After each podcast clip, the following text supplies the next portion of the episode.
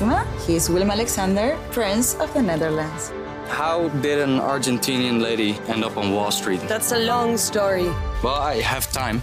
Mama, Oh, het is Maxima. ik heb er nog nooit zo verliefd gezien. Screw everyone. All I care about is you. Maxima. Vanaf 20 april alleen bij Videoland.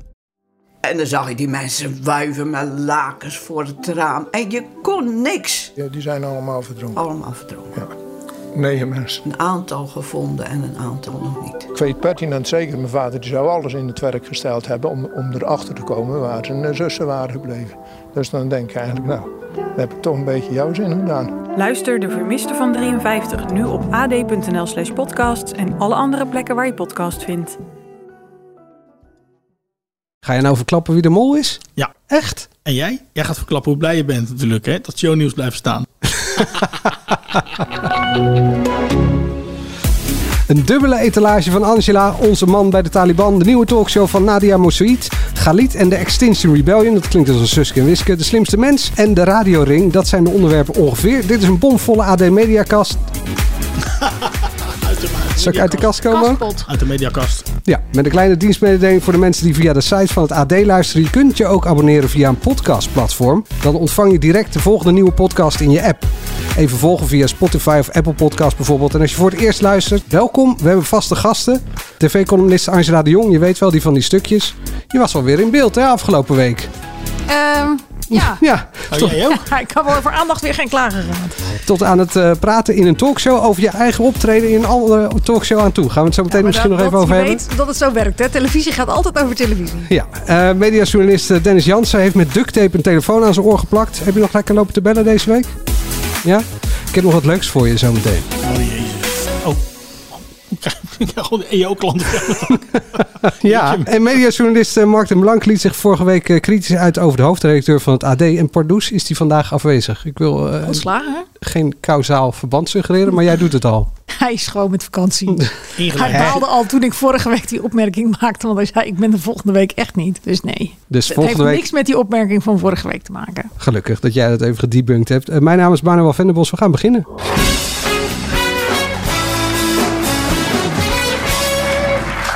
Angela de Jong is een vrouw met meerdere kanten. In de wekelijkse AD Media podcast leren we echt een hele andere kant van haar kennen. En deelt ze mooie en gevoelige televisietips in Angela's etalage. существования человечества на Земле. Zeg het maar. Rusland, DDR. ehm, ja, deze meneer. Pas. Erik. Ja, Mikhail Gorbachev. Eh, ik denk dat hij het heeft over de glasnost en de perestroika. Ik denk dat ze in Iran staan te juichen. Nogal een eufemisme voor de aangifte van poging tot doodstraf... die Johnny aan zijn broek heeft van zijn ex-vriendin Shima Kaas. Maar dat is poging tot doodslag. dat is gelekt door de achterban van Kaas, weet je wel. En die wilde dat in de publiciteit hebben... en jij hebt dat allemaal ingekopt. Maar het is toch, er staat hier een aangifte van poging tot doodslag. Dat verzin ik toch niet? Ja, straks gaan we het hebben over het eh, failliet van de slimste mens. Maar eerst, uh, je was all over the place. Dit was eh, VI, wat we net eh, hoorden. Zo mooi om jouw hoofd dan te zien als eh, Johan Derksen met een kul argument komt... dat je niet mag opschrijven dat er een aangifte van een mogelijke poging tot doodslag eh, komt. Of dat, je, nou ja, dat je dat hebt Dat die, opgeschreven. dat die aangifte is gedaan. Ja. Dat beeld wat ik dan van jou zie, dat klinkt ongeveer zo. Bloed uit je oren, rook uit je spiekers, ja toch. Weet je wie dat zijn, Dennis? Nee. Dat zijn de kraaien Oh, uit Den Haag. Ja, Ja, ja, die, eh, Maar dat kwam echt, hè? Nou, dus Uit je ik- oren, ja. je toch. Ja, ik werd wel boos. Dat was nog niet eens zozeer bij dit fragment. Dit, hier was ik vooral even vo- kom- volkomen uit het veld geslagen. Dat ik dacht, wat? De verkeerde kant op uit het Ja. veld geslagen. Ik dacht van, van, ik had verwacht dat hij met alles kwam. Maar hij kwam met gewoon een feit wat ik netjes had opgeschreven. Nou ja, dat. Maar goed, laten we die discussie niet al te ver over doen. Mensen hebben het kunnen zien. Hij heeft volgens mij, eh, vat ik het maar op de volgende dag, min of meer zijn excuses aangeboden. Dus prima. Oh, naar jou. Nou nee, maar in die uitzending dat hij geen goede dag had. Nee, dat klopte. Nou ja, er waren ook veel berichtjes in de inbox van onze Instagram, het AD Media Podcast. In de Echt? trant wordt, er, van. wordt er tegenwoordig gereageerd? Ja? Zeker, ja, we hebben het regelmatig gereageerd. Eh, ik ben geen fan van Angela, maar mooi hoe ze zich eh, in het Hol van de Leeuw verweerde en een verbale knock-out uitdeelde. Er was niet één bericht, er waren echt meerdere berichtjes van mensen, zelfs mensen die dus normaal gesproken niet zo fan van jou zijn. Dus bij wie je al 3-0 achter staat. Nou, als je begint. ja. Ja. nou ja, dat is eh, lief. Ja, en dat werd vervolgens ook nog weer eh, besproken bij Renze op zaterdag. En, En daar... wordt nu weer besproken in deze podcast. Ja, zeker. Want eh, je bracht namelijk... eh, Eén grote Ja, carousel aan Morgen is het dan weer de afterpodcast van En dan de gaat Mediacourant gaat er weer een stukje over tikken. Dat kun je wel donder op zeggen. Eh, onze, of tenminste jouw etalage stond eigenlijk in de etalage bij Renze. En dat ging als volgt. Er was ook nog een ode aan de magistrale vormgeving.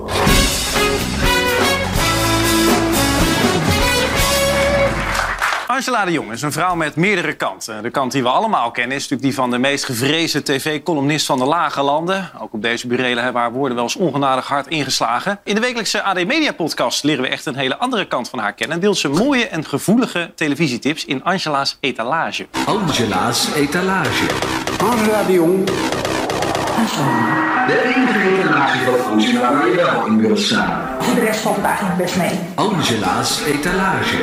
Ja, je maakt de podcast Angela met eh, AD-collega's Manuel Venderbos, Dennis Jansen en Mark den Blanke. En we hebben je eigenlijk gevraagd om even jouw etalage hier ook tentoon te Mag ik spreiden. eerst iets zeggen over deze jingle? Er Zeker. gaan nu een aantal mensen bij ons binnen het bedrijf echt dood. Dat deze volslagen amateuristische jingle op televisie... eh, te Wie heeft hem gemaakt? Manuel. Echt? Ja, thuis op zijn zolder. verraad het niet, maar het is En Manuel. jouw recensie erover is... Ehm, ik, ja, het hoort een beetje bij de sfeer van de podcast. Oké. Moet ook allemaal niet te gelikt. Maar. Philip Frederik zit er ook in, hè? Dat Ja? mensen hem herkennen. Ja, dat was toch nog een, een weetje over de jingle. Vond ik ook. ik ratelde lekker door. Maar ja, het is toch zo? Ik bedoel, we zeiden vorige week nog tegen elkaar... iemand gaat dood op het moment dat deze jingle... eh, Ja, daar hebben we het over. Nou ja, we hebben zelfs gedacht dat jij in de maling zou worden genomen bij Renze. Dat je dan bij Renze zou komen en zegt van ja, het is gewoon niet waar dat je uitgenodigd wordt voor deze, etala voor deze etalage. Voor die rubriek. Nee, maar mensen vinden het gewoon leuk dat je gewoon ook eh, positief bent over, Ja, over dingen. Gewoon dat je ook een beetje gevoelige kant hebt. Dat hebben ze, dat hebben leidt te weinig zien, denk ik. Ja. ja, maar dat is het, het idiote. Want iedereen doet net alsof het in die etalage heel anders is dan in die column. Maar wat er in die etalage staat, is die week ervoor altijd beschreven in een column. Maar het dan is het probleem, niet nou het probleem meer niet. dus. Ik bedoel, mensen die moeten het vooral zelf weten. Eh, Een column waarin je stevig uithaalt naar een programma, die genereert altijd net wat meer aandacht op bepaalde sites dan eh, de andere. En als mensen eh, zo oppervlakkig zijn dat ze hun mening baseren op wat ze lezen op andere sites over iemand, in plaats van dat ze zich verdiepen in wat je werkelijk schrijft, ja, dan zei het zo. Ja, je had natuurlijk ook nog even credits kunnen geven aan de bedenker van dit programma onderdeel. Oh. Wie is dat? Jij? Voel je je weer te Jij, kort gedaan, Manuel. jongen. Ah, ah, ah. Je hebt toch heel veel reacties gekregen? Nee, ik heb heel veel reacties uit de radiohoek eh, gekregen van mensen die het een briljante jingle vonden. Maar ook kritische? Dat ze alleen nog de laserstralen misten, maar dat het voor de rest wel een aardig ding was. Ja, ik heb aan het begin, weet je dat nog? Ik heb aan het begin ook, ik vond hem ook wel leuk. En dat is... En ik heb... Maar we moeten misschien wel even uitleggen dat er een verzoek is gekomen van de afdeling podcast van dit bedrijf om hem bij Q Music nog een keertje over eh, te doen. De allerhoogste baas eh, op audiogebied is Ivan Reuvenkamp. Je noemde hem net al. Eh, die zei van, er, kan nog, er zit nog wat werk aan de audiovormgevingskant. Tevens een van de twee luisteraars. hè? Dus dat, daar doelde ik op. Ja, en voor de nee, rest dat moet iedereen vooral doen wat hij, wat hij zelf wil. En, In dat kader heb ik zometeen nog nieuws voor Dennis, maar dat zometeen. Groot media nieuws afgelopen maandag. Wat? Ik- Jij gaat me niet verrassen. want Ik hou niet van verrassingen. Dan gaan we ook gewoon knippen. Nee, echt niet. Ik heb zo een verrassing voor je. Groot media nieuws afgelopen maandag. De overnamefusie van eh, Talpa door RTL gaat niet door. Nou, en hoe was de reactie op de redactie van Shownieuws? Want ja, of je bent, hè, of RTL Boulevard gaat weg. Hè, dan wordt het eh, RTL Talpa Boulevard. Ja. Maar Shownieuws wa- was, natuurlijk verloren gegaan. Nee, ja, dat is waar. Maar alleen als het wordt samengevoegd, blijven natuurlijk de beste mensen over. Dus Manuel die zag zichzelf al bij RTL Boulevard staan. eh, Ja, gewoon weer terug. Hè? Dit wordt ook zonder cynisme en zonder zelfspot wordt dit natuurlijk weer gewoon- overgetikt op oh, een of ander stukje. Daarom, maar dat ironie en dergelijke komt niet over. Maar wat Nee. waren de reacties? Wordt helemaal platgeslagen. Ik, ik heb geen idee. Je zit er in een appgroep met, eh, met Patty Bart en, eh, en eh, al die andere. Ja, er was verdacht stil. Ja, Ja. dat is ook raar. Ik neem aan dat dat ook blijdschap is. Nou ja, bij SBS zullen ze de fusie net iets harder gewild hebben dan eh, bij RTL. Want ze zien natuurlijk allemaal wel dat ze op een zinkend schip zitten. En iedereen probeert daar natuurlijk nog op een, een goede manier af te komen. Ja, maar wat Dennis op doelt is natuurlijk... eh, je hebt de, de mensen boven in de top. Zeker. Die, die willen natuurlijk heel graag een fusie. presentatoren kan ik me ook voorstellen dat die denken van... joh, er komt een fusie, eh, dan kan ik eindelijk weer op het hoofdpodium. Wendy van Dijk, Linda de Mol. Ja, of een aantal presentatoren die kunnen denken... dan val ik misschien buiten boord. Ja, nou ja, inderdaad, Hart van Nederland en eh, shownieuws. Ik bedoel, daarvan weet je, je hebt het sterkere RTL Nieuws tegenover je. Je hebt RTL Boulevard tegenover je. Ja, dat, dat wint het natuurlijk altijd als het in elkaar geschoven wordt. Ik denk dat de mensen op de HR-afdeling en zo ook niet, eh niet zijn. zijn. Nee, Nee. nee. Ik bedoel, eh, dat had heus wel in de wagen geschoven gaan worden, toch? Niet? Ja, en daar heb je dus, bedoel jij, eh, misschien wel 50% van de mensen die kunnen er dan uit. Ja, niet of het 50 Dat was is, het in doel ieder van geval gaan die, de mensen van die uit. hele overname schuine streep fusie natuurlijk. Om gewoon een slankere organisatie minder kosten. Dat er meer geld naar Videoland kon. Nee, maar ik denk dat ook sommige televisiepresentatoren eh, opgelucht adem, trouwens aan beide kanten, volgens mij. Hè? Zeker, We begrepen zeker. dat er bij RTL nou, niet opgelucht adem gehaald werd, maar ze vonden het volgens mij niet allemaal heel, eh, heel vervelend dat het eh, niet doorging. Dat het vervelende neefje niet eh, familie werd.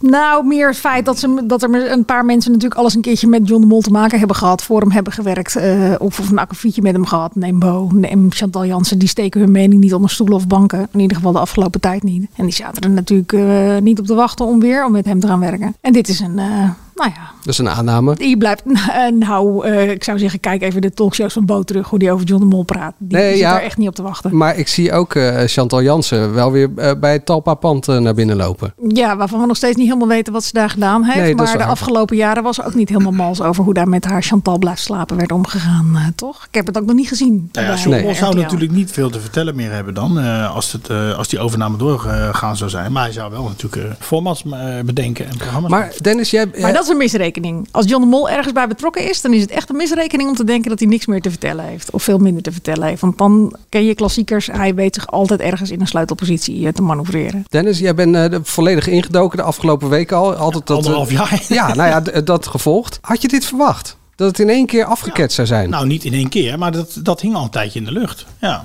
Het ging wel van links eh, naar rechts en van rechts naar links en van boven naar beneden. Maar nou, dit hing wel een tijdje in de lucht. Ja, want- Maar Broadcast Magazine publiceerde vorige week toch, of de week daarvoor nog, dat het er goed uitzag, toch? Met die, eh, dat geitenpaadje wat ze hadden bedacht. ja, maar ik heb toen ook contact gehad met de ACM en die zei dat het eh echt niet klopte. zo ver... Nee, Ja, dat nou, klopt niet. dat blijkt weer. Nee, maar ik Dat dacht... klopt in zoverre niet dat dat, dat was wel een, een, een scheef beeld wat geschetst werd. Maar ik dacht, misschien komen ze nog terug met een soort van tegenvoorstel. Dan moet dit er nog af, dan moet dat er nog af, dan moet dat nog anders. En dan kunnen we misschien nog weer praten. Ja, dat had gekund, maar dat stond niet in het voorstel. Dus Nee. Nou ja, die juridische onderbouwing moet nog komen. En wie weet zit daar nog iets in eh, waarmee ze aan de slag willen. Ik ben er niet rouwig om, in ieder geval, dat het niet doorgaat. Als tv-kijker. Want? Nou, op nog meer BNR-shows uit de koker van Talpa. En dan eh, bij RTL zit ik echt niet te wachten. Ik bedoel, dit zou natuurlijk geen... Dit wordt niet gedaan uit wilde. Je weet dat op het moment dat die eh, overname een feit was... dat het tv-aanbod gewoon nog verder zou verschralen. Quizjes, panelshows en eh, talkshows. En dat is het dan. Echt Ja? mooie verwachte programma's. Ja, je dacht toch niet dat ze Five Days Inside weer terug Nee, zouden brengen? nee, maar wat ik wel zou denken is, je hebt, je nou even om het makkelijk te houden, je voegt RTL 4 en SBS samen en dan hou je het beste daarvan hou je over. Ja, maar Zou dat, was, dat, was sowieso niet opzet, want die twee zenders Alles zou zouden, naast blijven, elkaar blijven zouden staan. blijven staan. Ze zouden alleen, en dat is wat de kijker misschien wel gaat missen, ze zouden Videoland sterker maken. Meer geld voor Videoland. Ja. Dus, eh, ja, ik hou niet van het woord content, nou, ik ga het niet gebruiken ook, maar eh, betere Eén keer programma's. Eh, Dennis, je had vorige week als kijktip over content gesproken. Over onze man bij de Taliban. Ja. Eh, was ik toen gelijk nieuwsgierig naar, want dat doe ik altijd. Als jij tips hebt, dan... Ongevaardig, man. Eh, Thomas Erdbrink zat afgelopen zondag bij, in eh, Buitenhof om over deze serie te vertellen. En dan werd hij helemaal emotioneel. was een, een mooi moment. Mijn televisie hield er zelfs mee op. Dus dat is dan wel jammer. Omdat eh, de, gewoon de situatie in Afghanistan en Iran... en dan de- met name de positie van de vrouw hem zo raakt.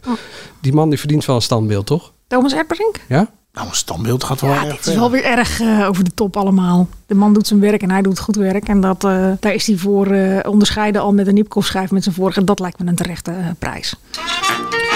Er is iemand jarig vandaag. Johan? Derksen. Johan Derksen? Johan Derksen is jarig. Oh, nou, wat zou je tegen hem willen zeggen? Niks, maar van harte. En Beatrix is jarig. Ja. Beatrix, ja, daar doelde ik eigenlijk op. Oké. Wat? Wat wil jij zeggen? Nee. Ja, je wijst met je vinger. Ja, Beatrix. Ja, Beatrix. Dus, eh, dat was eigenlijk mijn bruggetje naar eh, Blauw Bloed. Want eh, die is, dat is een beetje vernieuwd en dat is weer terug. Ja, na een jaar afwezigheid was afgelopen eh, zaterdag Blauw Bloed weer terug op televisie. Ik bedoel, de EO die wilde er graag een momentje van maken. En eh, de nieuwe presentator eh Annemar Zwart die stond net niet te stuiteren achter de desk van hoe geweldig ze het allemaal vond. Maar ik heb me daar hooglijk over zitten verbazen. Want Wat? een royalty-programma wat begint op de dag dat er net een groot bezoek gaande is van onze koninklijke familie aan de Antillen. Waarbij Amalia zich voor het eerst twee weken laat zien. Zou je verwachten dat die bekomen met beelden en leuk. En nou nee hoor, het was een programma vol met talking heads. Jeroen Snel die alleen maar aan het woord was. En een mevrouw die ernaast stond, Teerza van der Zwaan. Die de hele tijd zei, ja we gaan zijn ook online. En online kun je de beelden zien. En dan zei Jeroen Snel weer, ik heb Amalia al zien dansen. Ik heb de beelden al gezien voor de uitzending. We zetten ze zo snel mogelijk online. Nou ja, en zo ging het nog een paar keer. En wat je dan wel te zien kreeg, was een reportage van bewoners van de Antillen die blij waren dat de koning eraan ging komen. Oh, dus allemaal heel Hebben ze raar. geen rechten dus dan? Ze hebben daar een compleet eigen cameraploeg zitten, begreep ik eh, van onze collega die, die er lag ook op het is. strand. En die, nou, eh, zeg het maar niet te hard, want dan worden ze daar gek. Die werden daar namelijk compleet, die waren echt verbijsterd dat de beelden die ze al heel lang naar Hilversum hadden gestuurd, totaal niet in de uitzending zaten. Maar, Maar- dat ze maar moesten wachten wanneer die een keertje online verschenen. Ja, of is dat een lokkertje om dat, dat online platform heel groot te maken? Tuurlijk, ze zijn daar vooral bezig. Maar het feit dat je eigen cameramensen compleet verbijsterd zijn... dat de beelden die jij daar geschoten hebt niet in de uitzending eh, te zien zijn. Wat wel te zien is was een live verbinding met de verslaggever ter plaatse... die dan vertelde wat hij had gezien. Maar dat Amalia kregen wij niet te zien. bakte, Amalia die bij de slavenhutjes wa- was. Maar ook dat was niet te zien. Wat gek. En eh, je bent er kritisch over, terwijl je wel een Koningshuis-fan bent, Ja, toch? ik ben absoluut, nou, Koningshuisfan. Ik ben eh, voorstander van de monarchie. En dat ben ik ook nog steeds. Maar ik moet zeggen dat door al het hosanna en eh, kritiekloze gejubel van eh, nou ja, de mensen bij, bij Blauw Bloed, maar ook andere mensen bij Boulevard en Shownieuws, dat ik af en toe wel heel veel moeite heb. En ik denk dat dat Koninklijk Huis ook niet altijd helpt. Dat mensen alleen maar, eh, oh wat leuk, Amalia krijgt bloemen. Ja. Nee, maar als mensen van, nou ja, eh, op zekere leeftijd die eh, zo lekker voor de tv zitten, die willen toch even smullen van eh, koninklijke beelden. maar die krijgen ze daar niet te zien. Nou. Nee, die moeten ook naar eh, internet. Waar naartoe? Maar ja, of naar, naar weet ik veel, blauwbloed.com geloof ik, slash online community, slash Internet. poll, Ja, wat zit je slash nog wat. Nee. Internet is gewoon goed. Dat is een vrij breed begrip, internet. De Ehm, World Wide Web. ja, laten we weer terug gaan naar Maar televisie. moeten ze die uitzending even terugkijken. Want er werd geloof ik vier keer een bumper ingestart. Die reclame maakte voor de online community van Blauw Bloed. Waar je ook nog een poll en prijsvragen. En je kon je vragen insturen die je dan had. Ging Annemar ook doen, zei ze. Presentatrice van het programma. Die gaat dan de vraag insturen daar. Nou, echt jongens. Alsof je naar een stel kleuters zat te kijken. Oh ja, het woord, ik dacht, misschien gebruik je het woord infantiel. Infantiel, ja. Het was echt verschrikkelijk. Nou, dat past dan wel bij de NPO. We moeten nog even terugkomen op eh, Wie is de Mol van vorige week, Dennis. Ja, ik Want je had geen Zuid-Afrika-beelden gezien. En ze moeten eens een keer buiten de lijntjes kleuren met dat programma. Heb, eh, dat zei ik volgens mij. voor Joker, denk ik. Denk, want ja, het, het, het programma was vier minuten oud. En toen hadden we echt heel mooie beelden gezien. Met drones. En eh, ik zei het nog thuis. Ik zeg, nou, dat is lekker. Heb ik eh, in die podcast zitten roepen dat, we, dat het hè, waar is Zuid-Afrika. Ja, het waren hele mooie beelden. Ja, eerlijk is eerlijk.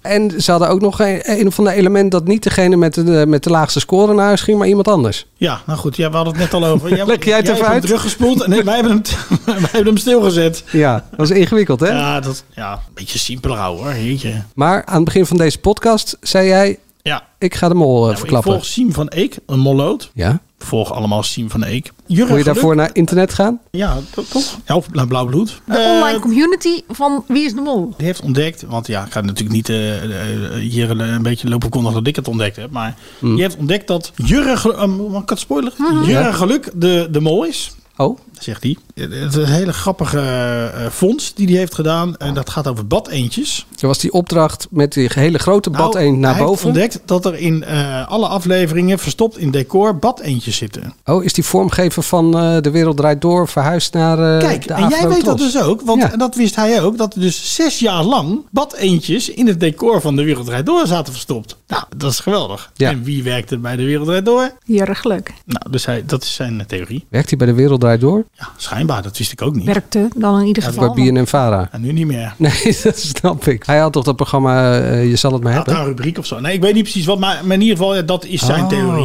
Nou, Nou, bedankt voor einde deze spoiler.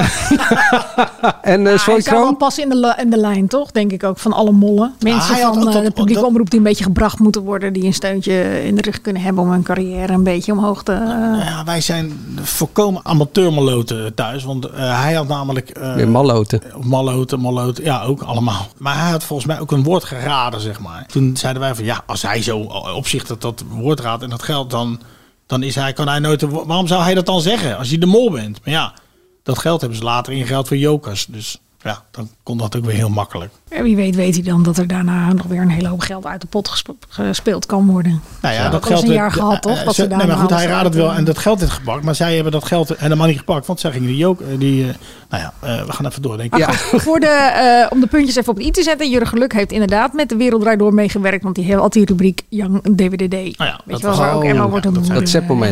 Ja. Ehm, jij wilde iets zeggen over Peter Gillis. Ja, ik was gisteravond echt verbijsterd toen ik dat zat te kijken. Want wat daar te zien is. Peter is op eh, safari samen met Nicoleke en twee eh, vrienden van hun. Nou was ik al, bedoel, kijk wel eens. En dan verbaas ik me hooglijk hoe die man met mensen omgaat. Met zijn gasten, maar ook met zijn personeel. En hoe die die kleineert en doet. Ik bedoel, ik heb wel eens een scène gezien dat hij eh, zijn medewerker drie keer opnieuw pizzadozen liet vouwen. Omdat het niet snel genoeg ging naar zijn zin. Stond hij daarbij te klokken. Nee, nog een keer, nog een keer. Nu is hij dus op safari. Nou, en hoe hij daar in bed en in bad zijn bediende rond... hoe heet het, commandeert daar in die tent. En ook laat Duncan tegen hem doet. Hij lag in bed met Nicole. En dan kwam die man binnen met koffie. Nou ja, dan kon hem weer mee naar buiten nemen. Want ze gingen toch liever buiten koffie drinken. Maar daarvoor was het, ja, we hebben nog lekker gehadsevlat vannacht. Weet je wat dat is, jongen? Hadsevlatsen. Local uit eh, Tanzania spreekt natuurlijk geen Nederlands. Maar daar wel dan op een heel laatdunkende manier tegenaan doen. En als ze aan de borrelen zijn in het zwembad. En er valt een, eh, of de, ik geloof dat die Mieke, die kon een stuk gedroogd vlees niet helemaal wegkrijgen. Dus dat moest ze uitspugen in de hand van Nicole. En Nicole flikkerde het over de schouder heen. Nou, je ziet het daar liggen. Het personeel mag opruimen. Gewoon echt, eh, nou ja, te asociaal voor woorden. En ik snap werkelijk niet met heel zijn geschiedenis en alles wat er tegen hem loopt. En de verdenkingen van ondermijning en mishandeling. Dat SBS, schuine streep Talpa, hem op het schild houden als eh, volksheld. Je hoopte eigenlijk eh, met eh, de fusie dat het eh, verleden tijd zou zijn. Nou, ik denk dat Peter van der Vorst eh, opgelucht adem mag halen dat hij niet met deze club zaken hoeft te doen. En met een Peter Gillis geassocieerd wordt. Hé, wie komt daar nou, joh? Volgens mij mag het nog net. Nee. Dus ik doe het gewoon. Mede Hou eens namens. Avrotros een heel gelukkig nieuwjaar. Frits Sissing, wegwezen. Het is al een beetje bijna februari. Ik viel trouwens afgelopen, wat was het? Zondag in de halve finale van zijn programma Op Zoek Naar. Dat Vrijdagavond is dat. Vrijdagavond? Dat kunnen ze ook beter veranderen in Wat een Verzoeking. Nou... En ja, toen ben het ik... niveau is echt uitermate slecht. Was het op zoek naar amusement? Ja, het was, en op zoek nou, naar kijkers, dat het is was het ook ver een te beetje. zoeken in ieder geval. Want eh, echt, nou ja. En op zoek naar talent. Dat zijn ze ook allemaal op Vals zoek naar talent. zingen. Ja, dat mag toch daar? En dan vervolgens die jury een soort eh, lyrisch eh, doen, hoe goed het wel niet is. Ja. Kaartje bij Marlijn. Dat hoort sowieso bij musical, dat je hem alles huilt. Toen ben ik uit pure ellende gezept naar SBS 6. Mhm. En daar had je de tribute of tribute bands of eh, de, in ieder geval eh, Nee, dan, haal, coverbands. dan haal je echt alles door elkaar, want dat, was op zaterdagavond. Oh, nou dan heb ik gewoon eh, met mijn eh, zapper. Ja, je hebt van vrijdag naar zaterdag. Ja, knap dat is hè? heel knap. nou, dat heb ik toch gedaan. Daar ben ik naartoe gezept. En dat vond ik eigenlijk verbazend leuk. Ja, dat vinden meer mensen. Klopt. Ik Eh, kreeg pas ook al een verzoek van een lezer of ik daar een spontane column over wil schrijven die positief was. ik vond het een leuk verzoek. Ik zeg spontaan een column schrijven op jouw verzoek. Dat, is vind ook ik echt eh, eh, moeilijk. een leuke. Nou ja, we hebben dit niet voorbereid. Dus maar, Dat is wel aardig, vind ik ook. En Spike zit er als uh, jury. Die, die ja, Spike is altijd plus zijn leuk. 6. Ja, zeker. dat is echt. We eh, hebben het de vorige jaar, bij het vorige seizoen hebben we het er ook over gehad in deze podcast. Dat het gewoon echt, ik vind het ook heel slim geprogrammeerd. Want ik bedoel, de jonge garde zit naar Wie is de Mol te kijken op zaterdagavond. En dit is echt voor de wat oudere boomer, om het eh, zo te zeggen. En Oh, dat is geen oud. scheldwoord. Ik ben ook een boomer, volgens mij 16-jarige. Dus eh, de hele categorie 40 plus die niet door eh, zijn jongere garde verplicht meekijkt naar Wie is de Mol. Ja, en daar wordt echt muziek gemaakt. ja. Het zijn allemaal heel erg goedwillende amateurs die daar eh, een voorliefde hebben voor een bepaald iets. Niet alles is even goed, maar het is gewoon een leuk bandjesprogramma. Ja, vind ik voor een publiek wat gewend was om op zaterdag ook gewoon naar bandjes te gaan kijken in hun eh, jonge jaren. Nou ja, dat doet het Met heel een knap. eh, U2 coverband en een eh, David Bowie coverband. Vorig jaar Freddie Mercury volgens mij. ja. Oh ja. en er zit nu Ja. een eh, Elvis in, begreep ik gisteren bij Johan Derksen ook. Ik kijk niet altijd het hele programma uit. Ja, nou ja Maar ik zag die, het fragment voorbij komen inderdaad. In de Dat ook doet heel... En wat mij opviel, er zat een Earth, Wind and Fire ook tribute band bij. En daar zaten allemaal ex-idols eh, kandidaten die ik dan nog weer... Dus het was een soort quiz in een, in een muziekprogramma. Dat je, Oh, hey, die herken ik, wie is dat ook alweer? Dat was, vond ik een leuk eh, spelletje Nou voor ja, mezelf. de liefde voor muziek eh, staat wel hier ja. bovenop, heb ik het idee. Er hangt niet zoveel van af en er wordt niet allerlei nieuwe carrières beloofd. Maar het is gewoon liefde voor muziek. En je ziet ook, er zit heel erg familiegevoel in. Dan is de opa er weer bij en dan is het kind er weer bij. En Ja, zonder veel sentiment. ja, hoe positief wil je het hebben, jongens? Prima, en bijna een miljoen kijkers. Dus eh, met uitgesteld kijken erbij heb ik het ik wou zeggen, gekeken. 700, Vorige week eh, nog wat, zag 760 of zo. Ja. Hey, ja, je hebt uitgesteld, je hebt vooruitgekeken. ja, ik heb vooruit gekeken. Vrijdag Ik, Eh, we gaan toch eens even vragen welke afstandsbediening jij hebt, want die wil ik ook heel graag. Angela, je zat je niet alleen eh, op te winnen over Johan Derks, maar ook over de vooringenomenheid van de media wat betreft Extinction Rebellion. Kunt u iets vertellen erover? Ja, eh, Galit, uitstekende vraag. Ik had het bijna niet beter verwoorden. Leg eens even uit. Nou, we hadden natuurlijk donderdag de rel dat er zes activisten preventief waren opgepakt omdat ze eh, hadden opgeroepen tot protesteren, demonstreren op de snelweg. Nou ja, logisch dat daar uh, s'avonds de talkshows mee uitpakten. Maar ik heb me wel echt hooglijk zitten verbazen over Galit en Sophie, die daar echt een studio vol met activisten en met alleen maar voorstanders hadden. Niemand van het OM of politie aan tafel. Het was dus uh, Galit zonder Sophie. Dus het was alleen uh, Het was Galit. alleen Galit. En daar zat een advocaat. Ja, Ik ben even meneer zijn naam. Meneer. Jebbink. En die zei ongeveer dit. Het Europese Hof heeft gezegd dat ook blokkades onder de demonstratievrijheid vallen. En Dat dus is- is er geen sprake voor van iedereen glashelder is. Waarom gebeurt dit dan? Nou, ze proberen hier de demonstratievrijheid op een gruwelijke manier in te perken. En ik denk, ja, wat ik denk dat erachter zit, is dat eh, het openbaar bestuur dat verantwoordelijk is voor het begeleiden van zo'n demonstratie. Waarom? Omdat dit een heel belangrijk element is in onze democratische samenleving. Ik denk dat ze het zat zijn. Dat, die mens, dat het bestuur denkt, dat kost ons telkens zoveel politie-inzet. We gaan het van tevoren aanpakken. Maar ik denk dat ze in Iran staan te juichen. Dat ze zien dat Nederland dit aan het doen is. Het, het regime in Iran bedoel je? het, dat, precies, dat het regime in Iran hier staat te juichen hierover... omdat ze zien dat een westerse beschaving dit op deze manier doet. Ja, Eh, nou goed, dit zijn, dat is best een, een, een, een gevolg wat je daaraan verbindt. Wat volgens mij, nou goed, dat is voor, jou, eh, voor jouw rekening, Willem. Want ik weet niet of je die twee met elkaar kan vergelijken. Maar ik heb het Openbaar Ministerie wel gevraagd vandaag... eh, hoe zit het nou precies, net voor de uitzending. En, en zo reageerden zij. Laten we even kijken. Bizar toch? Echt bizar. Echt. We hadden net, eh, het nieuws kwam net binnen dat ongehoord eh, Nederland eh, weer een eh, boete heeft gekregen. Opgelegd, ja, dat willen ze. Ja. Of nou ja, dat hij weer boven, de, boven het hoofd hangt. Maar dat je dit ook gewoon laat passeren als talkshow-host, dat vind ik echt zeer kwalijk. Maar het lijkt wel alsof hij niet, eh, gewoon helemaal niet luistert en al bezig is. Want daarom had ik het Maar fragment. goed, we hebben het over Galit. Die is gewoon niet een heel goede talkshow-host. En een van de problemen waar hij continu tegenaan loopt, is dat hij niet luistert naar de mensen aan tafel. Nee, maar het is wel een advocaat.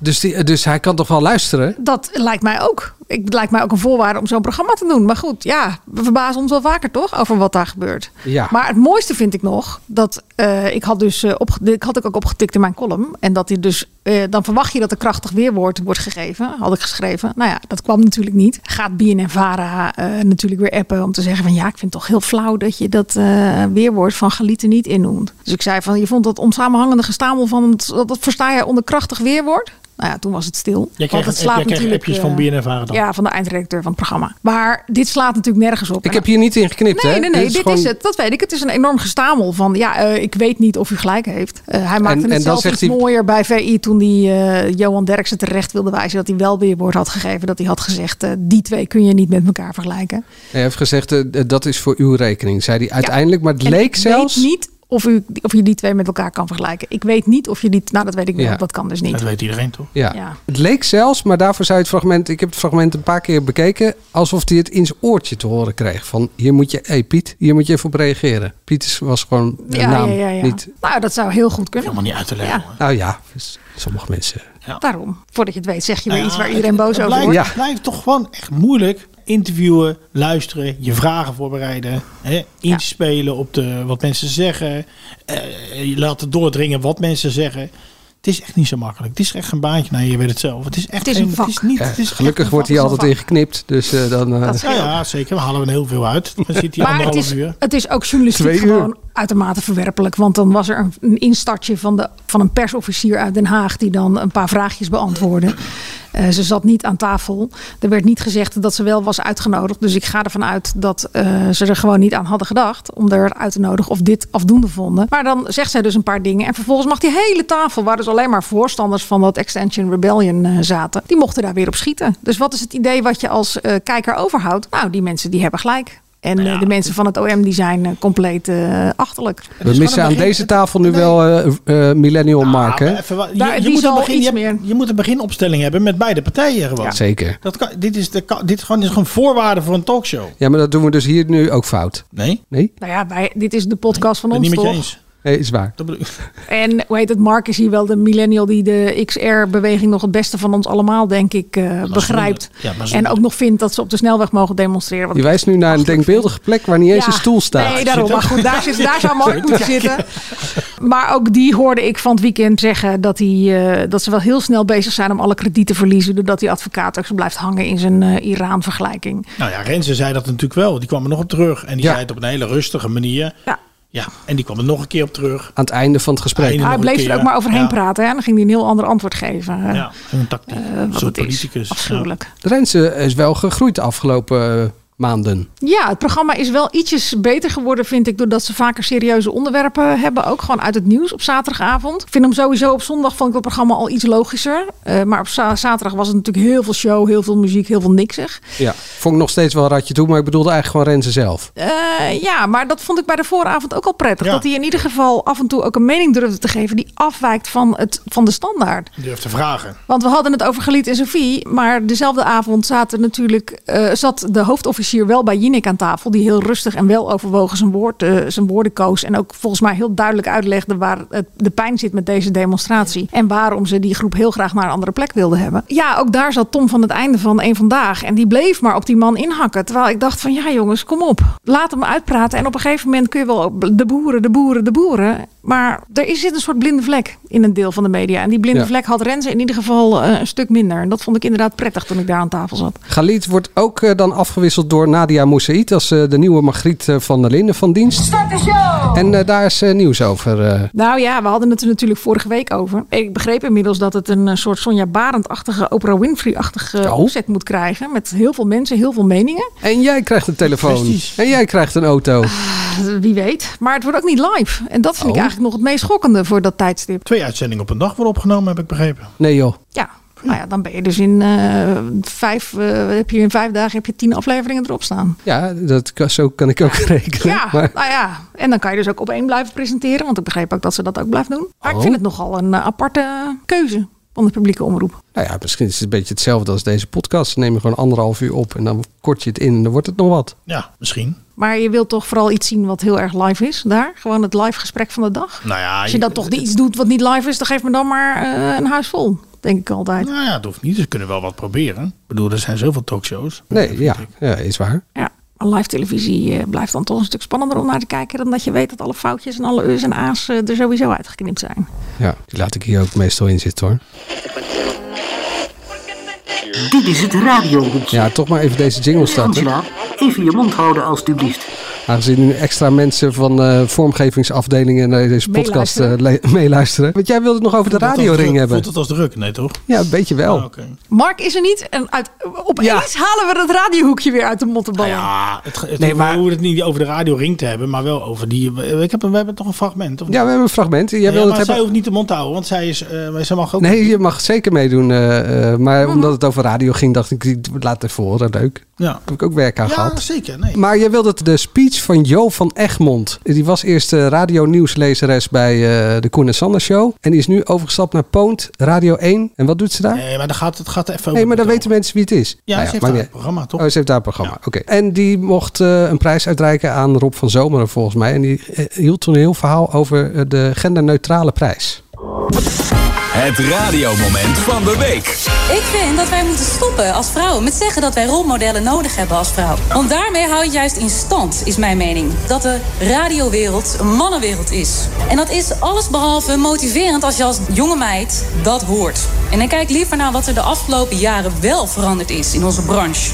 Wij zitten in toplagen van de management. Wij nemen al beslissingen die ontzettend van belang zijn. Allemaal posities, vroeger voornamelijk bekleed door mannen. En dat is nu al anders. Tuurlijk kan je zeggen, te weinig vrouwelijke DJ's bij de commerciële. Maar dat is niet dat de wil er niet is. Je moet zeggen dat, dat de kansen voor vrouwen in onze radiowereld gigantisch zijn. Als jij een steengoeie, populaire vrouwelijke jock bent... dan wil iedere zender in Nederland jou hebben. En dan word je dus aangenomen omdat je tering goed bent... en niet omdat er een rolmodel nodig was.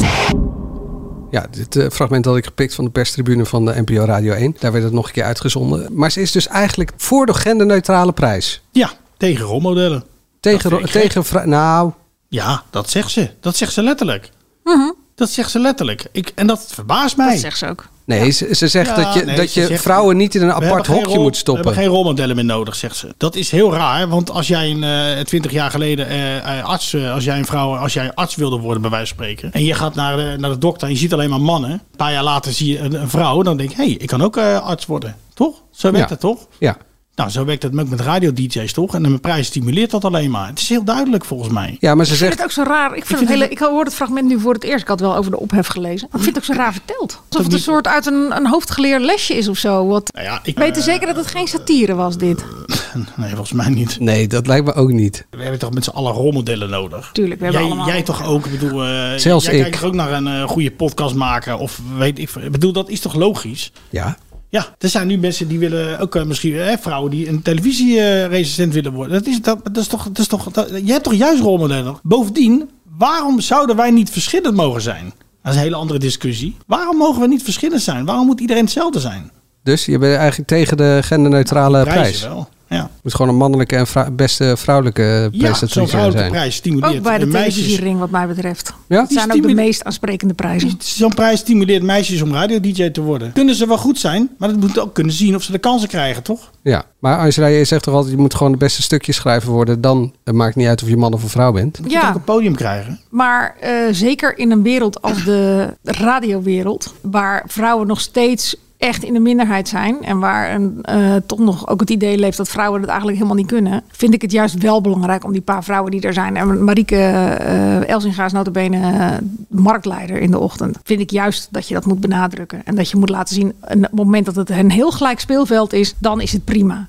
Maar dan nog denk ik altijd, we hebben vrouwen, we hebben mannen en laten we die verschillen vieren. En eh, dat op een andere manier in het zonnetje zetten. Ja, Marieke zei overigens het tegenovergestelde voor een, voor een camera. Dan Jo van Egmond. Ja, niet dan jij. Dan, nee, eh, ja. dan Jo van Egmond. Ja, Ja. nee, maar ze heeft... eh, ik Maar Jo van Egmond zegt eigenlijk, we zijn inmiddels zo geëmancipeerd, dan hebben we dit niet meer nodig. Ja, maar ja, als nou jaar in jaar uit alle prijzen naar mannen gaan, wat dan? Dan is het nog niet geëmancipeerd, We hebben jij. deze hele discussie natuurlijk ook bij de Gouden Kalveren gehad. Die hadden ook al het onderscheid afgeschaft tussen man en vrouw. En vervolgens wonnen allemaal mannen. En dan is heel vrouwelijk, de hele vrouwelijke filmwereld weer in eh, rep en roer. Ja, weet je, logisch. Maar dat zie je aan de voorkant al gebeuren. Dus laten we gewoon hop, mannen en vrouwen.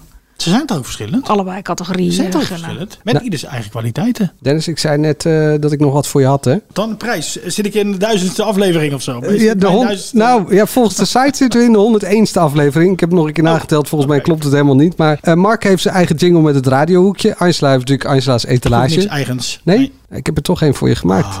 Bellen met Dennis. Nee joh. Bellen met Dennis. Zet die telefoon nou een keer uit. Bellen met Dennis. Dit is de voicemail van Dennis. Oh, ik vind deze best leuk. Ja, hè? Ja, Ja, lekkere beat zit iemand eronder. nog van vindt. Lekkere beat. Ik had ooit een voicemail op mijn telefoon. Dat is, dit is de voicemail van Dennis. Spreek wat in of zwijg voor goed. Maar dat werd niet gebruikt. Zometeen eh Angela's etalage. Maar eerst het failliet van de, de slimste mens. De stelling is: wil je de slimste mens serieus blijven nemen, dan moet de redactie ingrijpen. Is dat zo, Dennis? Eh, ja. Ja, toch? Ja. Ik had eigenlijk gedacht... Nou. Want ik kwam erachter. Ik heb met de eindredacteur eh, gebeld. Hè? Ik weet niet, kan je me instarten nu? Bellen? Ik, bedoel, ik heb met de Oh, je hebt gebeld. Oh, sorry. Ja. Bellen met Dennis. Zet die telefoon nou een keer uit. Bellen met Dennis. Oh, hoezo moet ik mijn telefoon uitzetten? kan- Vanwege dat akkefietje met Mark. Ach, ja, ja. ja. Ja. Zit wel een, het is wel een beetje apres-ski vibe zit erin. Ja? Dat vind ik wel lekker, ja. Oh. Ja, ik wel zin in meer. Skiën. Ik ook. Maar, eh, Kan je daar beelden van maken, Angela? Ooit? Nee. Een keer? Alleen voor mij? Dat ik Nee, gewoon hoor. zelf kijk? Totaal niet. Hey, bellen. Nee, ik heb Ja. met de eindredacteur eh, gebeld, Harm-Jan Kinkhorst. Eh, Nee, sorry. die, ik, ik zeg, nou moeten we dus voorronde komen. Ja. Voorronde? Ja. Voor- je moet- misschien moeten we het even uitleggen. Eh, de kandidaten die er dit seizoen zitten, daar hebben we het al een paar keer over gehad. Die zijn echt, hoe zullen we het zeggen, Dennis? Oliedom of eh, weinig ontwikkeld? Ze weten weinig. Het is dit seizoen meer mensen opgevallen. Wij schrijven erover, maar meerdere media schrijven erover. Eh, het, is, het, het wordt op de hak genomen in talkshows. Dus er is iets aan de hand. Het niveau is wel echt Dus ik heb wel gebeld. Want, Daar baal ik zo dat ik eruit vloog. Echt. Ja. De laatste dagen wordt het een beetje gered. Erik van Looy is nog redelijk goed bezig. En Anne Fleur eh, Schippers eh, gisteravond vond ik, ook- heb ik ook wel hoge verwachtingen van. Maar ik, zei, dus ik, ik, dacht, ik dacht, ik bel Harm-Jan, ik bel Maarten van Rossum. Ik dacht, wel ja, is het niveau... Nou, hij is, dus Harm-Jan zei, ja, het zou jou tegenvallen, dat het een gemiddeld seizoen is qua cijfers. Maar er is natuurlijk verschil in de vragen. Dus sommige mensen weten inktvissen bijvoorbeeld. Als, dat, als mensen dat dan niet weten, dat zei Harm-Jan, als mensen inktvissen dan niet weten, dat valt niet zo op als mensen die, hè, wat jij dat fragment, Gorbachev. Mensen Ja. die weten wie eh, Gorbachev is. Ja, sommige dingen, ik vind van sommige dingen, ja, die behoor je eigenlijk gewoon te weten. Salman Rushdie. En Maarten Ja. eh, eh, Verrossum zei me, zei me net, ja, als jij 33 bent, dan kan je, ja, heb je wel- heb je wel 20 jaar de tijd gehad om Salman Rushdie ergens eh, opgedoken te zien worden in het nieuws. Vorig jaar eh, een aanslag op hem gebleven. Ik bedoel, sommige mensen vind ik eigenlijk dat je ze gewoon, dat je dat gewoon moet weten. Sommige gebeurtenissen. Gorbachev is, er is nog wel wat gebeurd. In, eh. Dus die vragen die vallen op. Hij zei, want ik zeg, nou moeten we misschien een voorronde regelen of zo. Hè? Net als eh, hè, bij de Voice. En, Nou, 2 voor 12 heeft altijd een soort selectiedag waar mensen een soort toelatingstest Maar moeten maken. zei, dat gebeurt al. Dus ik zei tegen jou, maar ik weet, ik heb jou niet gevraagd, maar ik zeg tegen jou, je wordt dus al getest bij de slimste mensen voordat je uiteindelijk op televisie mag. Ja, dat klopt. Vertel. Nou ja, ja ik wist niet dat het, zo, dat dat een echt officiële test was. Zo, zo voelde het voor mij in ieder geval niet. Maar ik kreeg inderdaad een A4'tje met, met vragen en met lijstjes. En met, eh, met Jij zo'n- moet dan naar de studio komen? Nee, naar de producent en naar kantoor. Of misschien komen ze ook wel op afspraak bij jou thuis als je dat zou willen, weet ik veel. Eh, maar ik woon toevallig daar vlakbij, dus ik was daarheen gegaan. En En wat ja, zeggen ze dan? Nee, je wordt uitgenodigd voor een soort screentest eigenlijk dan. ik had meer het idee dat het een soort facultatief was. Van, eh, vind je het leuk om wat vragen te maken? Dan weet je een beetje wat het niveau is. Dus, Beetje proeven. Ja, dus dat heb ik gedaan. Maar worden er dan ook mensen na die test, zo, zoals we het nu noemen? Want dat is het Nee, natuurlijk maar niet. dat zei hij dus. Dat is niet. Er, Dat we- er wordt niet gezegd. Nou jongen, eh, Manuel. Nee, maar ja, Dit, ik, eh, dit weet jij niet. Ik hoor. ging die, die, die test doen en toen dacht ik, nou is kat in het bakje. Want ik vond die test namelijk veel makkelijker dan eh, bijvoorbeeld de app spelen. De Nee, app heb je vond ik, te weinig gespeeld natuurlijk. die heb ik denk ik te weinig gespeeld. Maar die test, toen dacht ik, ja, is, dit is makkelijk. En toen zei ze, ja, dit is het niveau van de vragen in de uitzending. Toen dacht ik, oké, nou ja, dan, En dan kunnen mensen dus ook nog weer afhaken. blijkbaar. Ja. Maar die kiezen er dan zelf voor. Heb jij niet zo'n test gehad dan? Nou, ik zit heel erg in mijn geheugen. te Ik weet dat er op een middag eh, redacteur Bart is langs geweest op de redactie. Dan moet je die vragenlijst invullen die, waar ze alle anekdotetjes uithalen. Die dan Ja. eh, dus tussen langs. de vragen worden Bij de gesteld. grote sterren wel. En eh, hij zei, zullen we even het spel doorlopen? Ik zeg, nou, als jij dat graag wil, maar ik ken het van de televisie. Dus nou ja, dan speel je even heel fictief een afleveringetje. Nou, dat was het. Maar dat, dat, eh, als Ja, je dat als was het bij mij ook. test willen noemen, dan moet ik er hard om lachen. Want dat slaat echt nergens op. Oké. Dus niet, jou eh, ook veel makkelijker. eh, een stuk makkelijker. Ja, dat is alweer vijf jaar geleden. Dat weet ik niet. Er was een vraag over Pasen, geloof ik. Dat bij de open deur eh, had ik een vraag over Pasen. Hoeveel dagen dat was? Een week? Of 14 Christelijke dagen? feestdag. Oh. Altijd antwoord één. Christelijke feestdag. Dus nee, dat is. Maar hij kan het nu zelf een test noemen, maar een echte test is dat natuurlijk niet. Ik bedoel, als je bij de deelnemers van 2 voor 12, die onderwerpen ze echt aan een test. En als je niet genoeg punten haalt, dan doe je gewoon niet mee. Ze willen het niveau bewaken. En ik, ze moeten vooral doen wat ze zelf willen daardoor. Ze hebben 2 miljoen kijkers. Ik bedoel, eh, het blijft een van de programma's eh, waar ik het liefst naar kijk en die ik een zeer warm hart toedraag. Dat ik het hele fijne mensen vind die het maken. En ik, ik heb er eh, nou ja, heel veel aan te danken. Maar willen ze die quiz ook nog een beetje op niveau houden? Want dat gaat mij dus wel aan het hart. Dan moeten ze wel iets doen. Want ik wil graag, en nu schermt Harm-Jan ook weer met die gemiddeldes. Ja, ik heb niet zoveel met gemiddeldes. Ik wil graag daar, eh daar een seizoen kijken en van mijn stoel afrollen. Om wat Roelof de Vries allemaal weet. En dat hij dan uiteindelijk ook wint. En zoals vorig, jaar, vorig seizoen Erik van Muiswinkel. Die daar tak, tak, tak alle antwoorden geeft. Annico van Zanten, die vond ik ook fantastisch goed. Zo zitten er in ieder seizoen zitten er wel een paar waarvan je denkt... ja, jij mag met terecht dit, je dit seizoen de slimste mensen noemen. Ja. Daar komt misschien Erik van Looy nu een beetje bij in de buurt. Maar sorry, trouwens ook nog wel grappig. niet. Wel En ja, gemiddelde, als jij vier hele goede kandidaten hebt... en je hebt er drie hele slechte tegenover staan... ja, dan gaan die gemiddeldes wel omlaag. Ja, want er was van dit seizoen was er eh, ook één figuur en die heeft het ook helemaal nagerekend. Ja. Martin Rombouts. Kijk, ik heb de grote rekensom heb ik zitten maken. 10,7% hogere scores dan in het seizoen van Angela de Jong. En toen vergeleek ik dat met de scores in het seizoen waar Angela de Jong aan meedeed. En toen kwam ik erachter dat dit seizoen eigenlijk veel beter scoort dan het seizoen van Angela Jong. Hij moest iets bewijzen, denk ik. Hè? Hij voelde zich nogal geraakt door mijn column. Ja, kijk, hij was... Denk maar het. 10,7% minder. Dat zijn drie Beter. punten op 300 eh, punten. 10%. Drie punten. Daar ben ik allemaal niet zo heel erg van onder de indruk. Nee, maar dus Ik wat Harm Jan zegt, gemiddeld. Ja, maar dat zijn gemiddeldes. En nogmaals, de slimste mens is leuk om te kijken, omdat er een aantal mensen tussen zitten die echt heel veel weten en die dat spelletje heel goed eh, beheersen. Dat zijn eigenlijk alle winnaars ieder jaar. Sorry, maar die zie ik gewoon dit seizoen niet. Het is allemaal heel erg gelijkmatig en ze weten echt verrekte weinig. En daar blijf ik bij. Dus Martin mag zich verdedigen zoveel hij wil, maar eh, ik ben nog niet onder de indruk van wat hij heeft laten zien. En jij hebt lopen bellen. Nog even bellen.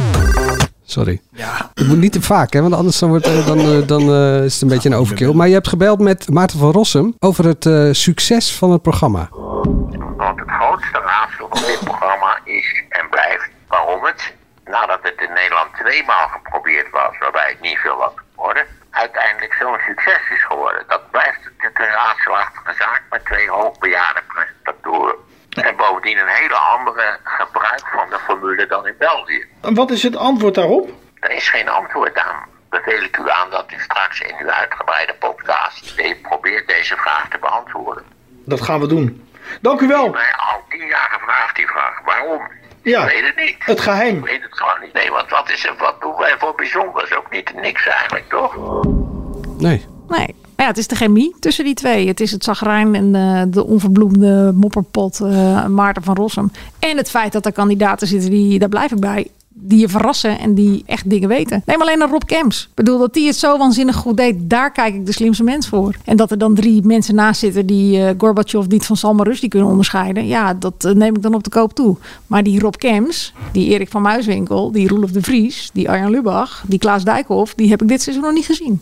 Wel, Amen. Ma- wel Manuel Venderbos. Zeker, die was, was eh, Wat weet echt u een van? leuke, wat- leuke kandidaat. Heel- ik vind het is ook de variatie in de spelvormen. Weet je over Gorbachev? Mijn broer is eh, vernoemd naar hem.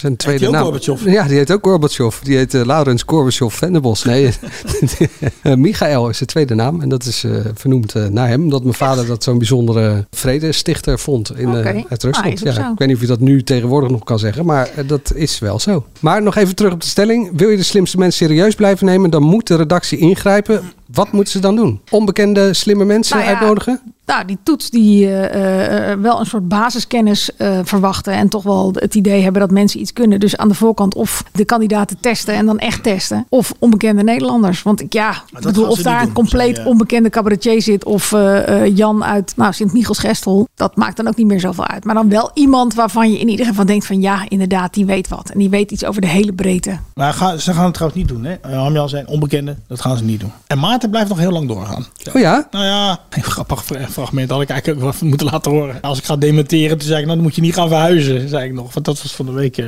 zei ze, je moet niet gaan verhuizen, want dan kan je ook eerder word je eerder de- dement. Maar Dus hij moet blijven zitten. hij moet blijven zitten en niet verhuizen. Want hij is toch al 80 of zo? Hij wordt in oktober 80. ja. Druk maar op de knop. Angela's etalage. Angela de Jong. Angela de Jong. De etalage van Angela waar je wel in wil staan. Voor de rest valt het eigenlijk best mee. Angela's etalage. Ik zie nou elke keer dat beeld dat jij met je hoofd tussen je handen zit bij Renze aan tafel. Voor wat? Bij die jingle? Bij die jingle, Oh. ja. Goed. Eh, wat staat er deze week in je etalage? Nou, dat zal ik je vertellen. Ik heb er ook een column over geschreven. Dus voor mensen die denken dat ik geen gevoelige kant heb en die alleen maar bewaar voor hier. Dat is niet waar. Wie het niet gezien heeft, eh, wil ik graag attenderen op een gesprek wat vorige week woensdag werd gevoerd aan tafel bij op één. Er zaten drie moeders. En die hadden als gemene deler dat hun dochter zo depressief was of op een andere manier ondraaglijk leed aan het leven, dat die euthanasie eh, heeft gekregen. En dat waren allemaal nog jonge meiden van begin twintig. En die moeders die vertelden daar ontstellend mooi over. Echt op een ontzettend liefdevolle, invoelende manier legden ze het dilemma op tafel. Want het is natuurlijk het liefste wat je hebt. En je eh, instinct is, ik bescherm het en ik hou het in leven. En dat, ze zijn natuurlijk ook nog steeds heel verdrietig. Maar ze konden ook heel mooi vertellen waarom je eh, als ouder op een gegeven moment ziet en eh, erin meegaat. Dat dit inderdaad de beste beslissing is voor je kind. En ik zeg erin meegaat, eh zij hebben er helemaal formeel niks over te zeggen. Daar zat ook een therapeut aan tafel die dat ook heel goed kon uitleggen. Het was een gesprek over liefde. Het was een gesprek over opofferingsgezindheid. Het was een gesprek over veerkracht. Nou ja, ik kwam net uit de clash met Johan Derksen. Maar die was ik op slag vergeten.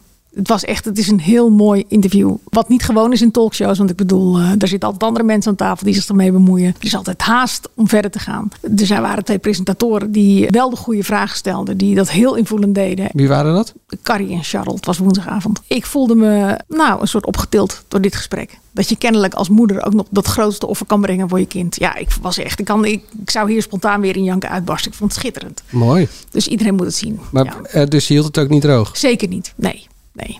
Nu weer niet. Als ik erover nadenk dat je Nee. naast de sterfbed van je kind staat. Ja. ik zie het ook aan je. En ik heb het dus... Ik heb het, En ik de had- moeders bleven dus heel kalm. Hè? Die werden Ja. totaal niet emotioneel. Dat vond ik zo knap. Echt. En Ik zie het bij jou ook. Ja, ik, ik, heb, ik zit daar ook tegenaan te, te hikken. Ik heb dat gelezen van jou. Ik heb het ook van iemand anders gehoord. Dat moet je terugkijken. Zeker ook voor je podcast, weet ik veel. En ik heb het dus niet gedaan. Omdat ik dacht van ja, dat, ik trek het nu al niet. Nee, en, En toch, toch was, zeg het, je- was het geen droevig, want ik schiet er nu weer bij vol, maar het was geen droevig gesprek. Het was een gesprek over gewoon moederliefde. En dan kreeg ik alweer een paar reacties na afloop. Waar waren de vaders dan? Ja, weet ik veel, thuis. Eh, tuurlijk hebben die ook verdriet en die hebben er net zoveel. kijken. Maar deze drie moeders zaten Geintje. daar omdat zij met z'n drieën die sticht, een stichting hebben opgericht. Ja. Want het schokkende detail ook nog en ook de aanleiding voor dit gesprek was dat het heel weinig voorkomt. Godzijdank, maar dat het wel steeds vaker voorkomt. Nog steeds heel weinig, maar wel steeds vaker.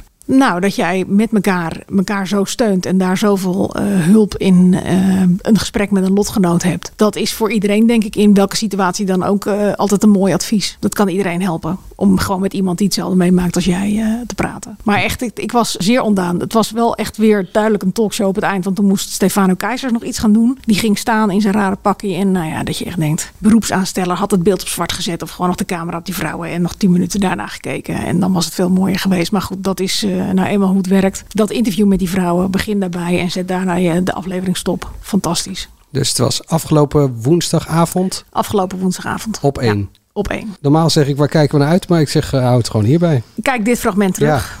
Ja. Ehm, dat was het. Vond je het wat? Zullen we nog evaluatie doen? Gewoon als we toch al veel... Ik vond het iets aan de lange kant. Ja, dat is altijd zo. Nou, dan knip je er nog even drie items uit.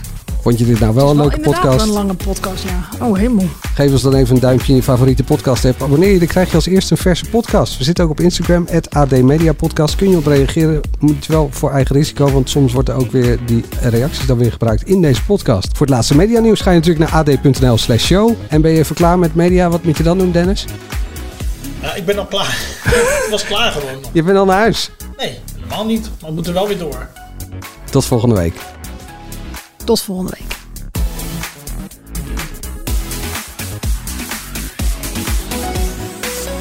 Is Mark er dan ook? Volgens mij wel.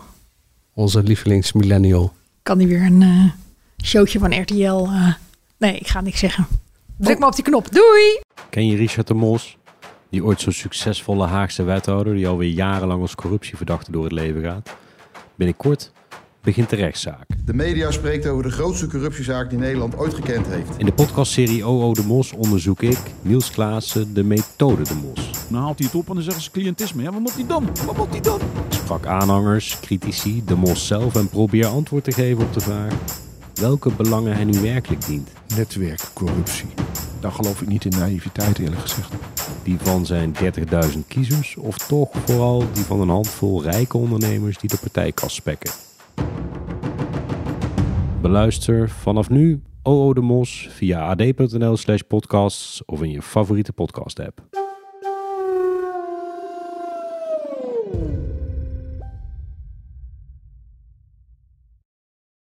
Maxima, he is Willem Alexander, Prince of the Netherlands.